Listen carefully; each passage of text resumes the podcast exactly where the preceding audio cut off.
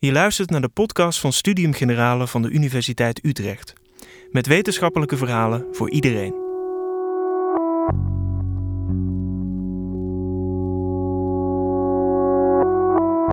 Je bankzaken doe je via een app.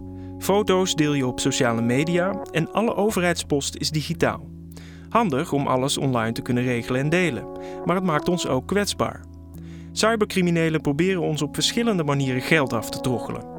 Ze doen aan afpersing met zogeheten ransomware, versturen phishing-mails of plegen identiteitsfraude. Criminoloog Rolf van Wegberg ontrafelt de werkwijze en verdienmodellen van cybercriminelen. Loont cybercrime en wat kunnen we er tegen doen?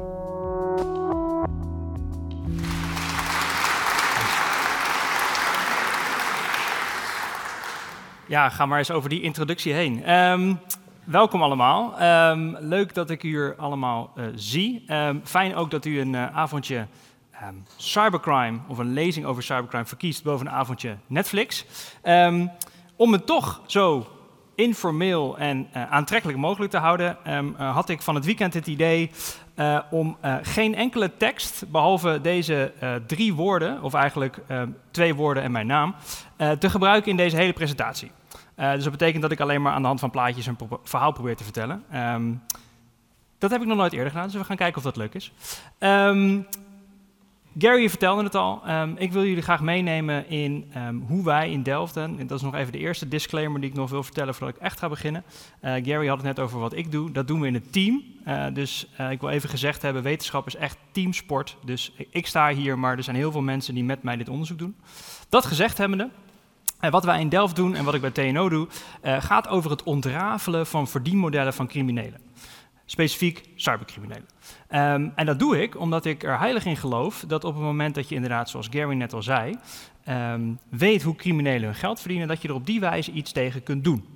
En dat is niet echt een gangbare theorie in het veld waar ik vandaan kom, hè, de criminologie. Dat gaat veel meer over, is criminaliteit aangeleerd gedrag? Is criminaliteit gedrag wat je misschien door een bepaalde omstandigheid in je leven gaat vertonen? Wij bestuderen criminaliteit door gaan kijken naar economische prikkels. Hoe zorgt een crimineel er nou voor dat hij zijn geld verdient en op die wijze voorziet in zijn of haar onderhoud? Ik ga de rest van de avond zijn onderhoud zeggen, omdat ik helaas weet dat 90% van deze criminelen man zijn.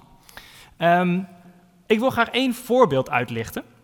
Nou, aan de hand van dat voorbeeld wil ik eigenlijk de hele avond met u praten. Of niet de hele avond, ik hoop uh, dat u op een gegeven moment ook weer naar huis kan.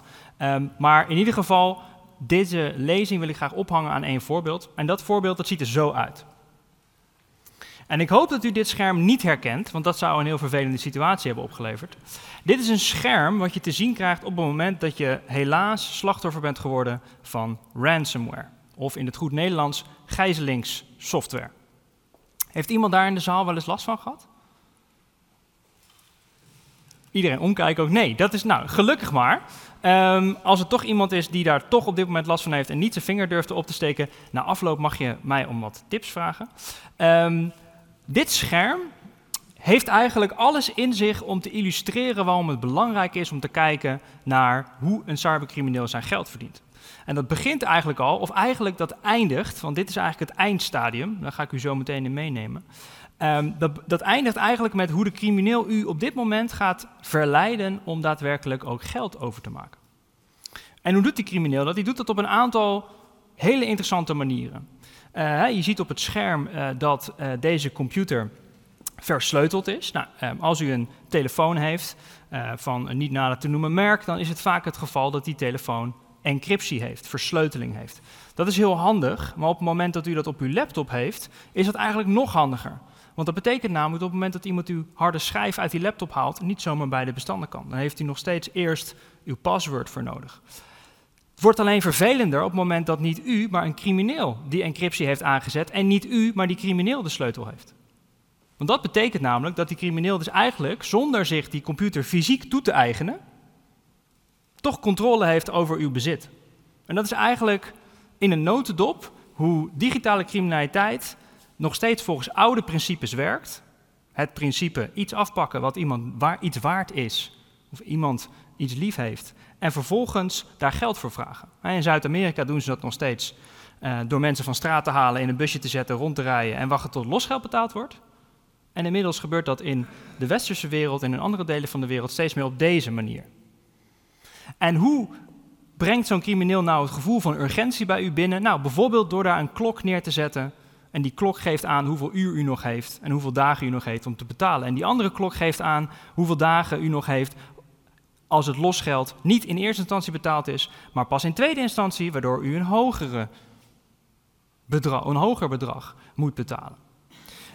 Dus wat de crimineel eigenlijk doet, is die maakt heel slim gebruik van het op dit moment geldende principe dat de meest waardevolle bezittingen van u niet meer in uw huis staan, maar op uw telefoon en op uw laptop. Dat is weer heel veel geld waard. Denk even aan uw bankgegevens. Die staan op uw laptop of op uw telefoon. Denk even aan gegevens om bij allerlei overheidsdiensten in te loggen. Die staan allemaal op uw telefoon of op uw laptop. Denk even aan misschien wel werkcorrespondentie of persoonlijke correspondentie. Dat zit niet meer in uw brievenbus, dat zit in uw e-mail-inbox. Dat betekent dat, en dat is het plaatje wat hier um, te zien is, dat eigenlijk een crimineel probeert zoveel mogelijk van die informatie tot zich te nemen om daar geld mee te verdienen. En het kan geld verdienen zijn door u daarvoor af te persen, om die informatie weer terug te krijgen. Dat kan zijn dat hij die informatie ergens weer aan het verkopen is. U heeft misschien wel eens gehoord van informatie die te koop wordt aangeboden in de VS, is dat op dit moment aan de hand, of was dat aan de hand, met grote lijsten met kiezers. Hè? Dus wie er allemaal mochten stemmen, dat, werd in een, zit in een database, dat konden mensen te koop, dat konden mensen kopen online. Ehm, denk ook eventjes uh, aan uh, bijvoorbeeld phishingpagina's, hè? dus waar u verleid wordt om gegevens af te staan die toegang geven tot uw bankaccount. Dat zijn ook als je die bundelt, die gegevens, worden die door criminelen ook weer door, doorverkocht. Hetzelfde geldt voor creditcardgegevens. Dat heeft een intrinsieke waarde. Maar waar ik het eigenlijk vandaag over wil hebben, is hoe, voor, hoe dus criminelen met die gijzelingssoftware hun geld verdienen. Waarom? Omdat dat eigenlijk weer een heel ander verhaal is. Daar is het niet de stofzuiger van de crimineel die data van uw computer afhaalt en die te koop aanbiedt omdat het intrinsieke waarde heeft. Nee, eigenlijk zegt de crimineel, ik laat die data gewoon lekker staan. Want dat is eigenlijk ook veel voordeliger, want dan hoeft hij niet al die data binnen te halen, door te gaan pluizen en kijken wat er waardevol is.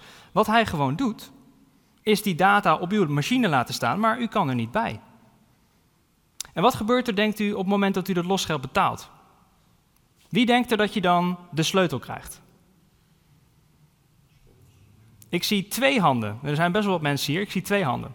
Dus de rest denkt allemaal, even voor de goede orde, misschien geen mening is ook een optie, maar wie denkt, um, nee, je krijgt niet je bestanden terug, of nee, je krijgt niet je sleutel terug? Heel veel mensen. Nou, dan er zit een zaal uh, die misschien anders is uh, dan uh, de rest van de wereld. Um, want er zijn heel veel mensen die betalen in de verwachting dat ze hun sleutel terugkrijgen. En wat gebeurt er? Die mensen krijgen ook daadwerkelijk hun sleutel terug. Waarom? Crimineel boeit het helemaal niet om u op te lichten. Crimineel boeit het dat zoveel mogelijk mensen betalen. En op het moment dat u uw sleutel niet terugkrijgt, wat doet u dan? Nou, dan meldt u dat op Facebook of Twitter of op welk kanaal dan ook. Dat lezen dan weer andere mensen. Die andere mensen zijn dan weer minder geneigd om te betalen. En zo komen we in de visuele cirkel uit die de crimineel eigenlijk helemaal niet wil. Dus ja, je krijgt de sleutel. Betekent dat dat ik propageer dat u moet betalen? Nee, zeker niet. Dat moet u niet, niet zo opvatten. Ik ga het zo meteen nog hebben over wat u dan wel moet doen. Dus wat eigenlijk uh, ransomware heel interessant maakt, um, is dat dat betekent dat u eigenlijk, nou ja, uw computer wordt gegijzeld en u kunt een specifieke vorm van betaling doen om die ontsleuteling te laten plaatsvinden. En dat gebeurt met bitcoins. Wie heeft er hier, of kent er hier, kent hoop ik iedereen, maar wie heeft er hier bitcoins? Ik zie een aantal mensen. Wie had er hier bitcoins? Nou, dan hoop ik dat u op tijd bent uitgestapt of goed bent uitgestapt. Um, nou, wat is nou bitcoins? Want waarom is dat voor criminelen zo interessant, zult u zich afvragen. Nou, waarom gebruiken criminelen nou bitcoins? En niet, um, hoeft u niet een envelopje uh, op de post te doen met wat geld erin? Of uh, maakt u misschien wat uh, geld over giraal naar de crimineel om uw laptop te ontsleutelen? Nou, Bitcoin heeft een aantal karakteristieken. Daar neem ik u even doorheen mee, omdat u dan kunt begrijpen hoe nieuwe technologieën eigenlijk criminelen nou ja, enabelen, dus in staat stellen om criminaliteit te plegen. Wat Bitcoin in zich draagt, is eigenlijk alles wat een centrale bank doet, maar dan decentraal. Dus stelt u zich voor, er is niet één centrale bank, maar eigenlijk iedereen hier in deze zaal zegt wij zijn gezamenlijk de bank. Dus de uitvinder van de Bitcoin, Satoshi Nakamoto, heeft een protocol geschreven die eigenlijk wiskundig ervoor zorgt dat wij hier allemaal in deze zaal met elkaar een munt kunnen beginnen die we onderling kunnen uitwisselen. Daar is dus geen controle op van een toezichthoudende instantie.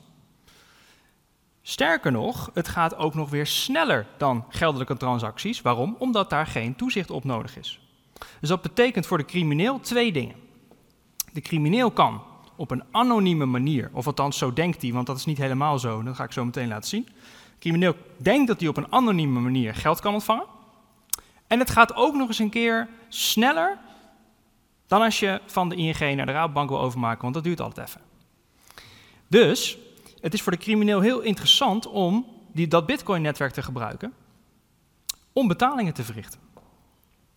Ga ik eventjes twee slides terug, dat had ik natuurlijk even beter kunnen plannen. Aan de linkerkant van dit plaatje zie je dat daadwerkelijk ook die bitcoins daar worden weergegeven met het logootje erbij, het bitcoin-adres. Het wordt je zelfs ontzettend makkelijk gemaakt door, omdat het bitcoin-adres nogal lang is, hè, dat hebben we wel eens met IBAN-adressen, dat we dat dan moeilijk vinden om te onthouden. Nou, dat denken criminelen ook over na, want dat vindt u waarschijnlijk ook moeilijk te onthouden. En elke drempel die u belet om te betalen is er één te veel. Dus wat doet de crimineel? Die zet aan de rechterkant een knopje neer met copy kan je gewoon één keer op klikken en dan zit het op je clipboard en dan plak je het vervolgens in de Bitcoin-applicatie. Maar goed, hoe kom ik dan vervolgens bij de Bitcoin-applicatie? Dan zie je aan de linkerkant van het scherm dat de crimineel ook een hele FAQ heeft gebouwd about Bitcoin. Hoe moet ik Bitcoin kopen? Hoe zorg ik ervoor dat ik Bitcoins kan gebruiken? Dat zijn allemaal drempelverlagende aspecten die de crimineel eigenlijk voor u doet om maar ervoor te zorgen dat de drempel voor u om te betalen zo laag mogelijk is. Bitcoin dus. Anoniem, althans dat denkt de crimineel, snel en makkelijk om weg te sluizen voor de crimineel. Dus dat is eigenlijk technologie 1. Dit is een andere versie van ransomware, ziet er iets minder gelikt uit, maar er staat wel één heel essentieel onderdeel in die ik nodig heb voor dit verhaal. Wat staat hierin, denken jullie? Ik weet dat het, je moet even roepen, dan haal ik het wel, want ik weet dat het geluid anders niet meekomt. Maar Tor, heel goed. De Tor-browser staat hierin. Hè? Dus er staat in het midden bij puntje 2 staat, ga naar dit adres om hier vervolgens een betaling te gaan doen. Dat is eigenlijk de tweede technologie die criminelen gebruiken om ervoor te zorgen dat de handelingen die ze online verrichten, om die niet traceerbaar te laten zijn. Dus doen we even een uitstapje. Het normale internet die u dagdagelijks gebruikt om bijvoorbeeld te bankieren, om al, allerlei gegevens aan de overheid te verstrekken, et cetera, et cetera. Dat internet is eigenlijk gebouwd op een heel traditioneel postcodesysteem. Een computerserver heeft een IP-adres, internetprotocoladres, en daarmee kun je eigenlijk ook de fysieke locatie zien van dat kastje op dat moment. Dus op het moment dat iemand nu gaat kijken naar het IP-adres van mijn laptop op dit moment, dan ziet hij dat we hier in het academiegebouw in Utrecht zijn. Of althans, deze postcode. Want zo moet je het ongeveer zien. En die ziet ook het op het moment dat ik hier verbinding zou maken met de webpagina van de Universiteit Utrecht, dan geeft dat die webpagina van de Universiteit Utrecht mij door waar die server staat, waar eigenlijk het kastje staat waar die website op draait. U kunt zich voorstellen dat op het moment dat een crimineel iets op uw laptop zet of er iets van afhaalt, dat uw laptop keurig netjes vanwege dat internetprotocol bijhoudt waar dat dan allemaal naartoe gaat. En dat zou dus kunnen betekenen dat die crimineel daarmee eigenlijk zijn locatie zou verraden. En nu wil de crimineel nu juist dat hij dat natuurlijk niet heeft, dat die locatie verraden wordt. Daar gebruikt hij iets speciaals voor, vaak althans. En dat heet de Tor-browser. En dat ligt op het Tor-protocol. En daar kan ik een hele lezing over geven, dat ga ik niet doen. Wat u daarover mag onthouden is, is eigenlijk hetzelfde als wat Bitcoin doet voor betalen, doet het Tor-netwerk voor internetten. Het zorgt ervoor dat het anoniemer wordt en dat het ook aan de andere kant de crimineel daarmee meer zekerheden geeft om niet geïdentificeerd te worden. Het schermt eigenlijk die twee postcodes van elkaar af, zodat ik niet meer en iemand die bij de politie werkt niet meer kan zien welke website iemand bezoekt en waar er data naartoe wordt gestuurd. Dus op het moment dat ik als slachtoffer van ransomware naar zo'n website zou gaan, dan kan ik dus niet zien waar die website staat. En andersom kan ook die website niet zien waar ik ben. En dat maakt dat die crimineel dan eigenlijk in een veilige omgeving zit om zijn criminaliteit uit te voeren. Maar die criminelen gebruiken dat niet alleen om hun criminaliteit uit te voeren, die gebruiken dat eigenlijk ook in de voorbereidingshandelingen van hun criminele bestaan. Want als je namelijk het Tor-netwerk combineert met het Bitcoin-netwerk, een ene slimmerik heeft dat gedaan, al een tijdje geleden, dan, dan ontstaat er iets van een ondergronds platform. Silk Road is daar het bekendste voorbeeld van, waar eigenlijk op een stukje internet wat anoniem is, namelijk op het Tor-netwerk, betalen middels Bitcoin normaal is om anonieme transacties mogelijk te maken. En dus worden daar allerlei goederen en diensten verhandeld die criminelen weer kunnen gebruiken. Of in dit geval die mensen die op zoek zijn naar drugs kunnen helpen om die drugs niet op de straathoek, maar op internet te kopen. Nou, deze ontwikkeling kennen we al een tijdje en heel veel van die aanbiedingen op die marktplaatsen gaan over drugs. Maar er is ook een klein deel wat gaat over digitale goederen. En dan moet u dus denken aan allerlei bouwpakketten die criminelen weer op weg helpen om cybercrimineel te worden. En we hebben nu even een uitstapje gemaakt naar technologie, het Tor-netwerk en, en bitcoins. Ik ga nu weer terug naar die verdienmodellen. Want op het moment dat een crimineel zijn werkgebied wil verleggen van de meer fysieke wereld naar de digitale wereld, dan zijn er natuurlijk eigenlijk twee hele simpele oplossingen daarvoor. Aan de ene kant kan je denken, die crimineel leert dat zichzelf. die leert hoe hij moet programmeren, die leert hoe die ransomware op hun computer krijgt. Maar misschien koopt hij die dienst, want dat is inmiddels een dienst geworden, koopt hij die dienst wel in. Iemand die voor hem die ransomware bouwt iemand die voor hem die ransomware verspreidt. Iemand die voor hem zorgt dat al die bitcoins netjes uitkomen waar ze moeten uitkomen. En dat heet criminaliteit of cybercriminaliteit op bestelling. Dat is eigenlijk de meest letterlijke vertaling van cybercrime as a service. En een van de meest beroemde voorbeelden daar is het zogenaamde DDoS-aanbod. Een DDoS-aanval is een hele grote internetfile voor een website. Daarmee leg je dus hele servers plat. En om aan te geven wat de potentie is van die cybercrime as a service, neem ik u even mee naar wat het meest aangevallen doelwit is van deze DDoS services in Nederland. Het meest aangevallen doelwit van die services is niet de overheid. Het zijn niet banken. Het zijn middelbare scholen. Ja, het zijn middelbare scholen. En met name zijn dat niet zozeer de websites van die middelbare scholen, dat gebeurt ook wel eens hoor. Maar dat zijn met name de servers, dus de computerkasten, waar de digitale examens op staan. Want u moet weten dat op het moment dat een DDoS-aanval 10 dollar kost en je zitten 30 kinderen in een klas, dat dat niet heel veel geld is. En op het moment dat al die kinderen netjes even een, een eurotje bijleggen, dan kan je dus drie keer in het jaar de tentamenserver, als jij geen zin hebt in het examen biologie, even van tevoren platleggen en je hoeft geen examen te maken. En daar lachen we nu natuurlijk om en dat is ook best logisch, want het is ook een grappig verhaal. Maar waarom ik het altijd vertel als ik dit soort lezingen geef, is om even aan te geven wat de potentie is als criminelen dus, en niet scholieren, maar criminelen, van elkaar allerlei diensten kunnen kopen die het makkelijker maakt om cybercriminaliteit uit te voeren. En daarom zijn wij in, aan de TU Delft onderzoek gaan doen naar die elementen van hoe criminelen aan elkaar diensten verlenen. Want simpel gezegd is er dus nog de crimineel, traditioneel cybercrime beeld, die achter zijn laptop zit met zijn hoodie. Ik heb helaas geen hoodie aan, sorry. Ehm, die achter zijn laptop zit en alles zelf doet. Die, die crimineel heb je nog steeds. En je hebt de crimineel die eigenlijk die ondergrondse marktplaatsen als een soort van IKEA gebruikt en alles wat hij nodig heeft aan elementen om succesvol te worden als cybercrimineel, om succesvol te worden in bijvoorbeeld het uitvoeren van een ransomware aanval, om die eigenlijk allemaal van de plank te kopen. En dat dat ook daadwerkelijk kan, laat het volgende plaatje zien. Want je kunt letterlijk Bitcoin ransomware kopen. En nu weet ik niet of Bitcoin ransomware daadwerkelijk ook de echte ransomware is die je nodig hebt om dit soort dingen uit te voeren. Waarom niet? Omdat op dit soort platformen er natuurlijk ook mensen zijn die hier een graantje van willen meepikken. Van criminelen die denken dat ze ransomware aanvallen willen gaan uitvoeren. En dan eigenlijk in de val trappen van andere criminelen die hen oplichten in hun grenzeloze ambitie. Maar stel je nou eens even voor dat deze aanbieding inderdaad behelst dat jij een stukje ransomware koopt en daar ook nog een keer de broncode bij zit, hè, dat is dan die source code, die in dit geval jou helpt om het eventueel nog een beetje aan te passen naar je eigen wensen. En dat dan dus vervolgens dat dat 12 dollar kost. Nou, dat betekent iets voor hoe wij naar criminaliteit moeten kijken. Dat betekent namelijk dat op het moment dat je dat hier kan kopen, dat je moet gaan kijken naar deze plekken waar je al dit soort dingen kunt kopen, om zo te analyseren of je daadwerkelijk een crimineel kunt worden door alleen maar met bouwpakketjes te werken. En ik ga u vertellen, nee, dat kan niet. Daar hebben we in augustus een studie over gepubliceerd. Je kan niet alles wat je nodig hebt als cybercrimineel op zo'n markt vinden. En heel vaak is het, en daarom is de IKEA-vergelijking zo mooi, veel ingewikkelder dan dat je denkt dat de beschrijving je doet denken. Vaak mist er een schroefje. Waarom past dit niet?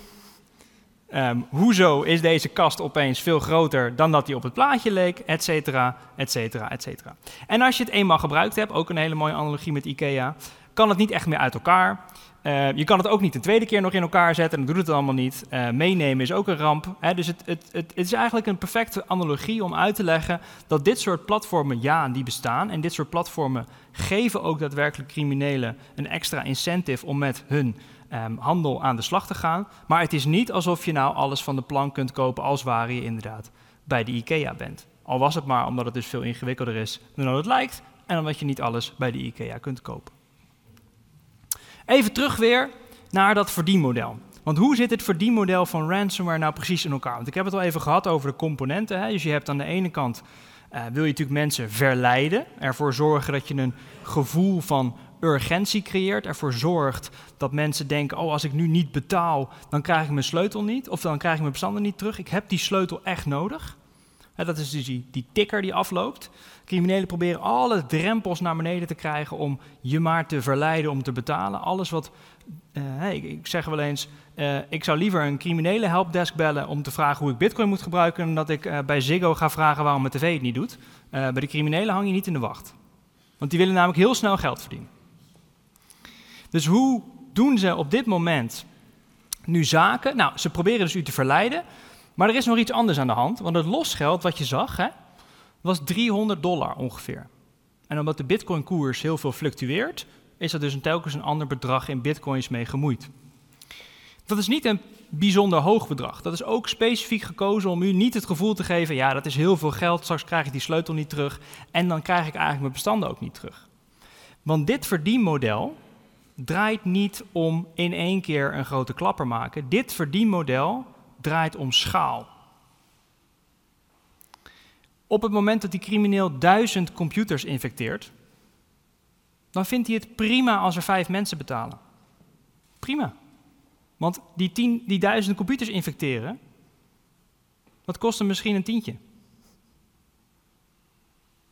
Want wat ik u eerder vertelde over dat uw computer zelf geld waard is, of eigenlijk uw gegevens op de computer geld waard zijn, dat geldt ook voor als uw computer zonder dat u het weet in een zogenaamd botnet zit. Een botnet is een netwerk aan computers waar een crimineel controle over heeft en eigenlijk alles mee kan doen wat hij of zij wil. En er zijn dus criminelen die, dat, die die toegang weer verkopen aan andere criminelen. Dan zeggen ze: Ik heb een netwerk, 10.000 computers, wat wil je erop zetten? En dan is het vaak niet de nieuwe versie van Internet Explorer of de nieuwe versie van Spotify of iets dergelijks. Nee, dan is het dus ransomware. Dus voor criminelen is schaal heel makkelijk te bereiken. En dat betekent dus ook dat je niet zoveel kan doen aan of je nou daadwerkelijk ransomware op je computer hebt of niet. Er zijn heel veel elementen die je zelf niet in control hebt, waar je zelf niet zoveel aan kan doen. Wat je wel kunt doen, gaan we het zo meteen over hebben. Want het is niet zeker zo dat criminelen dus specifiek uw computer eigenlijk specifiek aan het targeten zijn, aan het doelwit, dat u het doelwit bent. Integendeel. Dit is een voorbeeld van datzelfde ransomware eh, scherm. En ik had hier nog tien plaatjes kunnen doen. Dit is de Deutsche Bahn. Toch een vrij kritiek element in de Duitse infrastructuur. Hè? Op het moment dat jij Um, en dit is dan toevallig een scherm die laat zien um, hoe laat welke trein naar waar gaat. Maar dit betekent dus daarmee dat dit stukje virus zich binnen heeft gedrongen in de computersystemen van de Deutsche Bahn. En dat daarmee dus eigenlijk een groot deel van de computersystemen van de Deutsche Bahn onbruikbaar zijn geworden op dat moment. Ik had hier ook een plaatje kunnen laten zien van de Taiwanese politie. Die had precies hetzelfde. Ik had ook een plaatje kunnen laten zien van de Rotterdamse haven, die een x aantal dagen niet operationeel was, omdat ze hier ook last van hadden. Ik kan nog veel meer van dit soort plaatjes laten zien.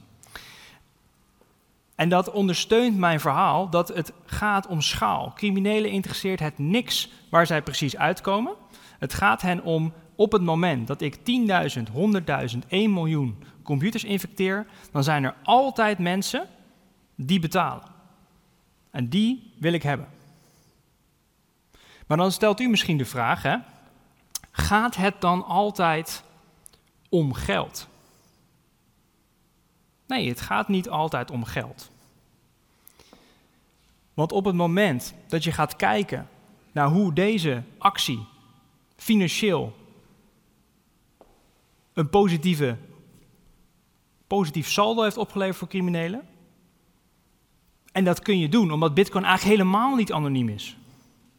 Omdat Bitcoin, en dat heb ik net uitgelegd, Bitcoin werkt met een decentraal systeem. We hadden allemaal afgesproken dat er geen centrale bank is, maar dat we allemaal de bank waren. Dat betekent dus, omdat u allemaal de bank bent, dat u ook kan zien hoeveel geld iemand heeft. dat kan ik ook. En het enige wat ik dan hoef te doen, is het Bitcoin-adres van degene die geld wil ontvangen in een systeempje gooien. En vervolgens komt daar keurig netjes het Bitcoin-saldo van die persoon gedurende de tijd dat ik het wil weten uit. En wat ik even opgezocht heb, is, want dit speelde in 2017, in juni, juli 2017, hoeveel hebben deze boeven nou verdiend met deze hele actie? En dan moet u weten dat deze actie dus over miljoenen computers verspreid was. Hè? Dus die ransomware was over miljoenen computers verspreid. Het losgeld was 300 dollar. En op het moment dat we gaan kijken naar die Bitcoin-rekening, dan zien we dus eigenlijk dat er maximaal op die rekening 17 Bitcoin heeft gestaan. En ja, natuurlijk, je kan zeggen, misschien was er een andere rekening, et cetera. Dus je kan allerlei slagen om de arm houden. Dat hebben we dan bij deze even gedaan. Maar 17 bitcoin, even ervan uitgaande dat dat 10.000 dollar is, dat was het ooit, is het nu niet, dan kom je eigenlijk op een heel klein bedrag uit. Dan hebben die criminelen dus eigenlijk helemaal niet zoveel geld verdiend. En hoe komt dat? Dat komt omdat achter deze aanval niet een criminele groepering zat, naar alle waarschijnlijkheid, maar hierachter zat een statelijke actor. Die helemaal niet uit was op geldelijk gewin, maar die waarschijnlijk uit was op het verstoren van allerlei communicatie en het verstoren van allerlei kritieke infrastructuren. Net zoals de DDoS-aanval gebruikt wordt door middelbare scholieren om geen tentamen te hoeven maken, tot en met het leger van Rusland, die voordat zij Georgië binnenvalt, eventjes het communicatiesysteem van de Georgische leger platlegt met een DDoS-aanval. Dus wat ik daarmee wil zeggen is, de uiterlijke verschijningsvorm van een bepaald delict betekent nog niet dat je daarmee kunt afleiden wat precies het doel is geweest. Maar je kunt dus wel heel precies zeggen hoeveel geld ermee verdiend is. En dat is interessant, want dat betekent namelijk dat je kan gaan kijken naar welke hordes kan ik opwerpen. Kunnen wij opwerpen? Kan de politie opwerpen? Want we hebben het net gehad over de hordes die de crimineel zo laag mogelijk probeert te leggen. Om ervoor te zorgen dat u betaalt. Hetzelfde geld kun je nadenken over hoe kan ik die hordes verhogen om ervoor te zorgen dat die criminelen niet succesvol zijn. Het liefst dus hordes waar mensen over struikelen en eigenlijk helemaal niet tot succes komen. En om dat te doen, analyseren wij zo'n verdienmodel zoals dit eigenlijk niet zozeer in de handelingen die een crimineel wil doen, maar in de waardeketen, zoals het zo mooi heet, value chain, dat komt uit de logistiek. Kijken wij naar welke stadia kun je onderscheiden en welke bouwpakketten heb je eigenlijk nodig, welke resources heb je nodig om een delict uit te voeren. En eigenlijk kan je voor alle cybercriminelen delicten die een financieel gewin met zich meedragen, kun je eigenlijk zeggen dat valt te deduceren tot vier stadia. Je moet eerst iets ontwikkelen, hè, development. Je moet het malware-type ontwikkelen. Je moet de phishing-pagina ontwikkelen. Je moet de software ontwikkelen waarmee je misschien een laptop kan leegtrekken. Je moet dat distribueren. Je moet ervoor zorgen dat dat zich verspreidt. Je moet zorgen dat op het moment dat het op uw computer staat, dat het ook daadwerkelijk gaat werken. Takeover heet dat zo mooi. En vervolgens, niet triviaal, moet je ervoor zorgen dat je het geld dat je verdiend hebt ook daadwerkelijk bij jou kan laten eindigen. En als we nou eens voor ransomware inzoomen op de distributie, dan zien we eigenlijk dat daar nog een hele wereld te winnen valt. Waarom? Omdat wat ik net verteld heb, het, de botnets, dat is de meest gebruikte vorm van het verspreiden van virussen. Nou, hoe ontstaat een botnet? Dat ontstaat omdat er een kwetsbaarheid bestaat op uw computer. Kwetsbaarheid kan zijn dat er een lek zit in een browser. Een kwetsbaarheid kan zijn dat er een lek zit in het besturingssysteem van die computer. Het kan zijn dat nog niemand dat weet. Dan heet het een zero day, hè, een, een, een exploit, een kwetsbaarheid die nog niet ontdekt is. Maar de meeste ransomware, de meeste malware wordt verspreid door zo'n botnet. En de laatste en de interessantste stap van zo'n hele criminele waardeketen is de zogenoemde cash-out stap. Het ervoor zorgen dat geld daadwerkelijk uitkomt bij de plek waar de crimineel dat wil. Want hij kan nog zoveel bitcoins op zijn of haar rekening hebben staan. Op het moment dat je die bitcoins niet hebt omgezet naar euro's, naar dollars of op een bankrekening hebt staan op een land dat ergens in een oceaan ligt waar ik de naam niet per se van weet en waar je palmbomen hebt, dan kan je er niet zoveel mee. En die, vooral die laatste stap is niet anders bij drugshandel op straat of drugshandel op het internet. Dat maakt eigenlijk niet uit. Dus als je denkt dat op het moment dat je cybercrime wil bestrijden als politie of als maatschappij, je daar heel veel nieuwe bevoegdheden voor nodig hebt, dan is het tegenargument. Die laatste stap is cruciaal, want je kan alle elementen die je nodig hebt, hè, dus je kan de malware hebben ontwikkeld, je kan het verspreid hebben, je kan de computer overgenomen hebben, maar op het moment dat je het geld niet wegkrijgt, is er aan het einde van de dag niet een bankrekening die gevuld staat met geld die jij kan gebruiken, dus heb je er als crimineel niks aan. Dus als je nou als politiedienst focust op die laatste stap, dan ben je eigenlijk het effectiefst. En dan vereis je eigenlijk helemaal niet nieuwe bevoegdheden, dan vereis je eigenlijk heel traditioneel financieel rechercheren. En daar zijn we in Nederland eigenlijk heel goed in. Wat kunt u nou doen? Ik had het al net even over die kwetsbaarheden. Microsoft doet altijd de eerste dinsdag van de maand. Ik ga u zo meteen een mooi verhaal vertellen over waarom dat dinsdag is. De eerste dinsdag van de maand sturen zij hun nieuwe patches uit. Dus de lekken die ze gevonden hebben, die dichten ze op dinsdag. Dat komt omdat dan blijkbaar um, systeembeheerders liever dat niet op maandag wilden, want dan konden ze nog even bijkomen van het weekend. Um, want heel veel van die patches worden geïnstalleerd bij bedrijven, niet bij u thuis, maar u thuis moet het ook doen. Waarom? Omdat eigenlijk die kwetsbaarheden, die maken dat uw computer wellicht in een botnet terechtkomt. En om u mee te nemen in hoe ernstig de situatie is met het niet doen van updates, want ik weet het, updates zijn heel vervelend, uh, maar om even de situatie te schetsen, de exploits, de kwetsbaarheden, die zijn gebruikt in die WannaCry-aanval, want de naam van de ransomware heb ik nog niet genoemd, dat heet WannaCry. Al die plaatjes die ik liet zien bij de Deutsche Bahn en het eerste plaatje, dat is WannaCry ransomware. De kwetsbaarheid die daar werd gebruikt om dat te verspreiden, is al twee jaar geleden door Microsoft gedicht. Twee jaar geleden. He, dus een kwetsbaarheid die je nu ontdekt, heeft nog zo'n grote invloed twee jaar later. Dus doet u mij een plezier, het is vandaag dinsdag. Het is toevallig ook de eerste dinsdag van de maand. Als u morgenochtend de computer aanzet, kijk even of er updates zijn. En installeert u die alstublieft. Dat is één tip. De andere tip is, heb altijd een backup plan. Letterlijk en figuurlijk. Op het moment dat een crimineel gebruik maakt van uw kostbare bezit wat op uw laptop staat, dan moet u dat misschien dupliceren. Dat is misschien wel handig, want dan zorgt u er namelijk voor dat u niet één specifieke device heeft waar op dit moment al uw persoonlijke bestanden op staan. Dat betekent namelijk dat op het moment dat je dan getroffen wordt door zo'n crimineel die denkt: ha, ik heb u te grazen, ik ga u afpersen voor de toegang tot uw computer, dat u dan denkt: ik dacht het niet. Ik zet even een backup terug en dan zijn we overal weer vanaf. Want op het moment dat je namelijk al je bestanden gebackupt hebt, is het een kwestie van het hele systeem. Tuurlijk, kost een dagje, is niet fijn, snap ik allemaal heel goed. Vegen we het systeem leeg, zetten we de backup terug en je bent misschien een weekje kwijt, maar that's it. Als je dat elke week doet, en er zijn allemaal programma's voor die dat u automatisch ook voor u doen, hè? En dan kan ik natuurlijk een heel verhaal houden over waarom je dat niet in de cloud moet doen. Dat ga ik nu niet doen, want ik ben al überhaupt blij dat u overweegt om een backup te maken. Um, maar dat is heel belangrijk, want dan neem je eigenlijk voor criminelen het incentive weg om bij u geld te komen verdienen. Het andere is dat op het moment dat u dat allemaal doet, dat het nog steeds zo kan zijn dat u op de een of andere manier een backup vergeten bent, een update vergeten bent te doen. En dan? Nou, dan zijn er altijd nog, gelukkig zou ik bijna willen zeggen, bedrijven in Nederland en instellingen in Nederland die samen met de politie, maar dat is denk ik ook heel belangrijk om te vertellen, cybercrime is geen politieprobleem, is ook niet uw probleem, is een maatschappelijk probleem. Dus de oplossing is ook een maatschappelijke oplossing. En die oplossing is dat we allemaal doen wat wij kunnen doen. En bedrijven als eh, Kaspersky, Fox IT en andere bedrijven in binnen- en buitenland proberen u ook te helpen door bijvoorbeeld de databases van ransomware, en dan bedoel ik ransomware eh, criminelen, achterover te drukken om zo eigenlijk die hele sleutelbos in beslag te nemen.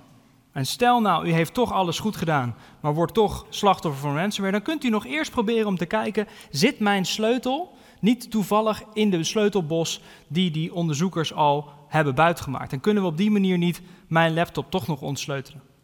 Want dat is namelijk een oplossing die op dit moment ook heel veel soelaas biedt. De overheid die kijkt uiteraard ook mee um, en die zorgt ervoor ook dat we op dit moment een bepaald beeld hebben van wat de overheid doet. En het volgende filmpje is daar tamelijk illustratief voor. Opstelt, hè? Wat had u een aparte entree net nu zo met de camera? Wat dan? Ja, u kwam zo dicht op de camera afgelopen. Ja, u stond daar en ik moest, uh, ja, ik moest langs de camera. En dan kijk je wel eens in de camera. Dat vind ik ook wel leuk. Wat gaat er mis bij deze ondernemers? Nou ja, dat is dat ze niet altijd uh, precies weten uh, wat ze moeten doen als ze slachtoffer worden van, uh, van cybercriminaliteit. En, en, als ze op die knop drukken, wat gebeurt er dan? Nou, dan krijg je een heel schema van allerlei adviezen wat ze dan kunnen doen. En hoe, hoe blijft u alert op uw online gedrag? Heeft u een virusscannertje? Nee, heb ik niet. Ik heb allemaal niet. Firewall? Heb ik ook niet. Ook niet? Maar ik ga u niet vertellen wat ik allemaal wel heb. Ik, ik moet gewoon op mijn eigen dingen letten. En wanneer is nou weer de volgende snabbel? U bedoelt de volgende campagneactiviteit? Ja. Um, vandaag niet. Um, we kunnen hier allemaal lachen over doen, maar um, hij zei wel één ding, want ik zet dit filmpje niet alleen aan om te lachen natuurlijk. Ik zet dit filmpje ook aan om even aan te geven wat eigenlijk de essentie is van het verhaal wat ik vertel. En dat is namelijk, we moeten gewoon allemaal op blijven letten. En ik, dat, ik chargeer even de woorden die hij zei, maar goed opletten, ervoor zorgen dat je weet hoe een crimineel zijn geld verdient hoe je, dat je weet hoe cybercriminele verdienmodellen werken, helpt als het goed is om ervoor te zorgen dat jij beseft waar je toe verleid wordt, hoe je verleid wordt en hoe je kan, hoe je kan zorgen dat je eigenlijk niet in de verleiding komt om bijvoorbeeld te betalen. En een van de dingen, want dan vraag je misschien, wat is leuk dat jij hier dit komt vertellen, maar wat doe je zelf eigenlijk? Nou, wat wij zelf doen, en dat is met name het onderzoek wat wij in Delft doen, hangt eigenlijk van twee elementen in, in elkaar. Aan de ene kant proberen wij het systeem in kaart te brengen door grootschalige datasets te verzamelen over bijvoorbeeld botnets, om te kijken naar wat zit er nou allemaal aan foute spullen in die computers van die mensen, om zo te kijken naar welke criminelen er allemaal gebruik van maken. Dat noemen we dan incidentdata. Dan doen we predicties wat er allemaal aan aanvallen heeft plaatsgevonden en waar dat naartoe gaat. We proberen een beetje aan te geven waar de situational awareness zit, wat kun je er tegen doen. En aan de andere kant proberen we de actoren in kaart te brengen. Dus wie worden de slachtoffer? Wie zijn de daders? Waar komen die precies vandaan? Wat zijn hun motieven? Dat noemen we dan institutionele data. En die voegen we eigenlijk samen. En daar creëren we twee elementen mee. Aan de ene kant incentives en interventies. Dus incentives voor criminelen. Hè. Hoe zorgen zij ervoor dat u geprikkeld wordt om bijvoorbeeld te betalen? En interventies aan de kant van de politie. Hoe zorgen we ervoor dat we weten welke effectieve of welke interventie het meest effectief is? Door bijvoorbeeld te kijken naar dat cruciale cash-out kanaal. Op het moment dat de boef zijn geld niet heeft, dan kan die er uiteindelijk niks mee. En uiteindelijk willen we toe naar een soort van performance index, soort te kijken naar welke handelingen hebben nou het meest effect. En op die manier proberen we eigenlijk het hele speelveld in kaart te brengen. En onder andere deze aanpak heeft ertoe geleid dat wij een studie hebben gedaan met een aantal studenten. En die hebben we eigenlijk gevraagd om te kijken naar hoeveel mensen zouden er nou moeten betalen, of eigenlijk liefst gezegd, hoe weinig mensen zouden er moeten betalen om de crimineel geen winst te laten maken. En dan hebben we het over ransomware. Hè? Dus hoeveel mensen moeten er nou betalen dat de crimineel geen winst maakt? Nou, we weten van security rapporten en van studies uit het verleden dat ongeveer 3% van de mensen betaalt. Ik vond dat relatief weinig. Ik dacht, nou, dan zijn we toch heel goed bezig met elkaar. 97% betaalt niet. Probleem is alleen, criminelen blijven de terugkomen. En dat betekent ook dat die 3% al lonend genoeg is om de hele tijd te blijven terugkomen. Het break-even point, dus het moment waarop de crimineel eigenlijk geen winst meer maakt, ligt op 0,03%. Dus dat betekent dat als we een zaal hebben met duizend mensen en er betaalt één iemand, dan maakt de crimineel al winst. En daar zit precies het probleem. Dat op het moment dat jij denkt, ik ben de enige, het zal zo'n vaart niet lopen, ik betaal gewoon, heb ik mijn bestanden terug, oeps, ik had geen backup gemaakt, dan blijft dit doormodderen en doormodderen en doormodderen. En dat moeten we niet willen. Dus ik hoop dat ik u vanavond iets heb kunnen uitleggen over hoe cybercriminelen hun geld verdienen, wat u er tegen kunt doen. En dat vooral het een aanpak is die we met elkaar moeten doen. Dus u en ik. Ook de universiteiten die proberen dit inzichtelijk te maken. Politiediensten die we helpen om effectief te kunnen optreden. En bijvoorbeeld ook beveiligingsbedrijven die die sleuteldatabases proberen te kraken. Daar wilde ik het bij laten. Dank u wel.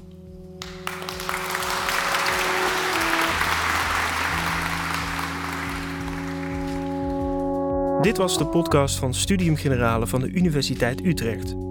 Wil je meer lezingen luisteren? Check dan de playlist op Spotify en iTunes. Of ga naar onze website sg.uu.nl/podcast.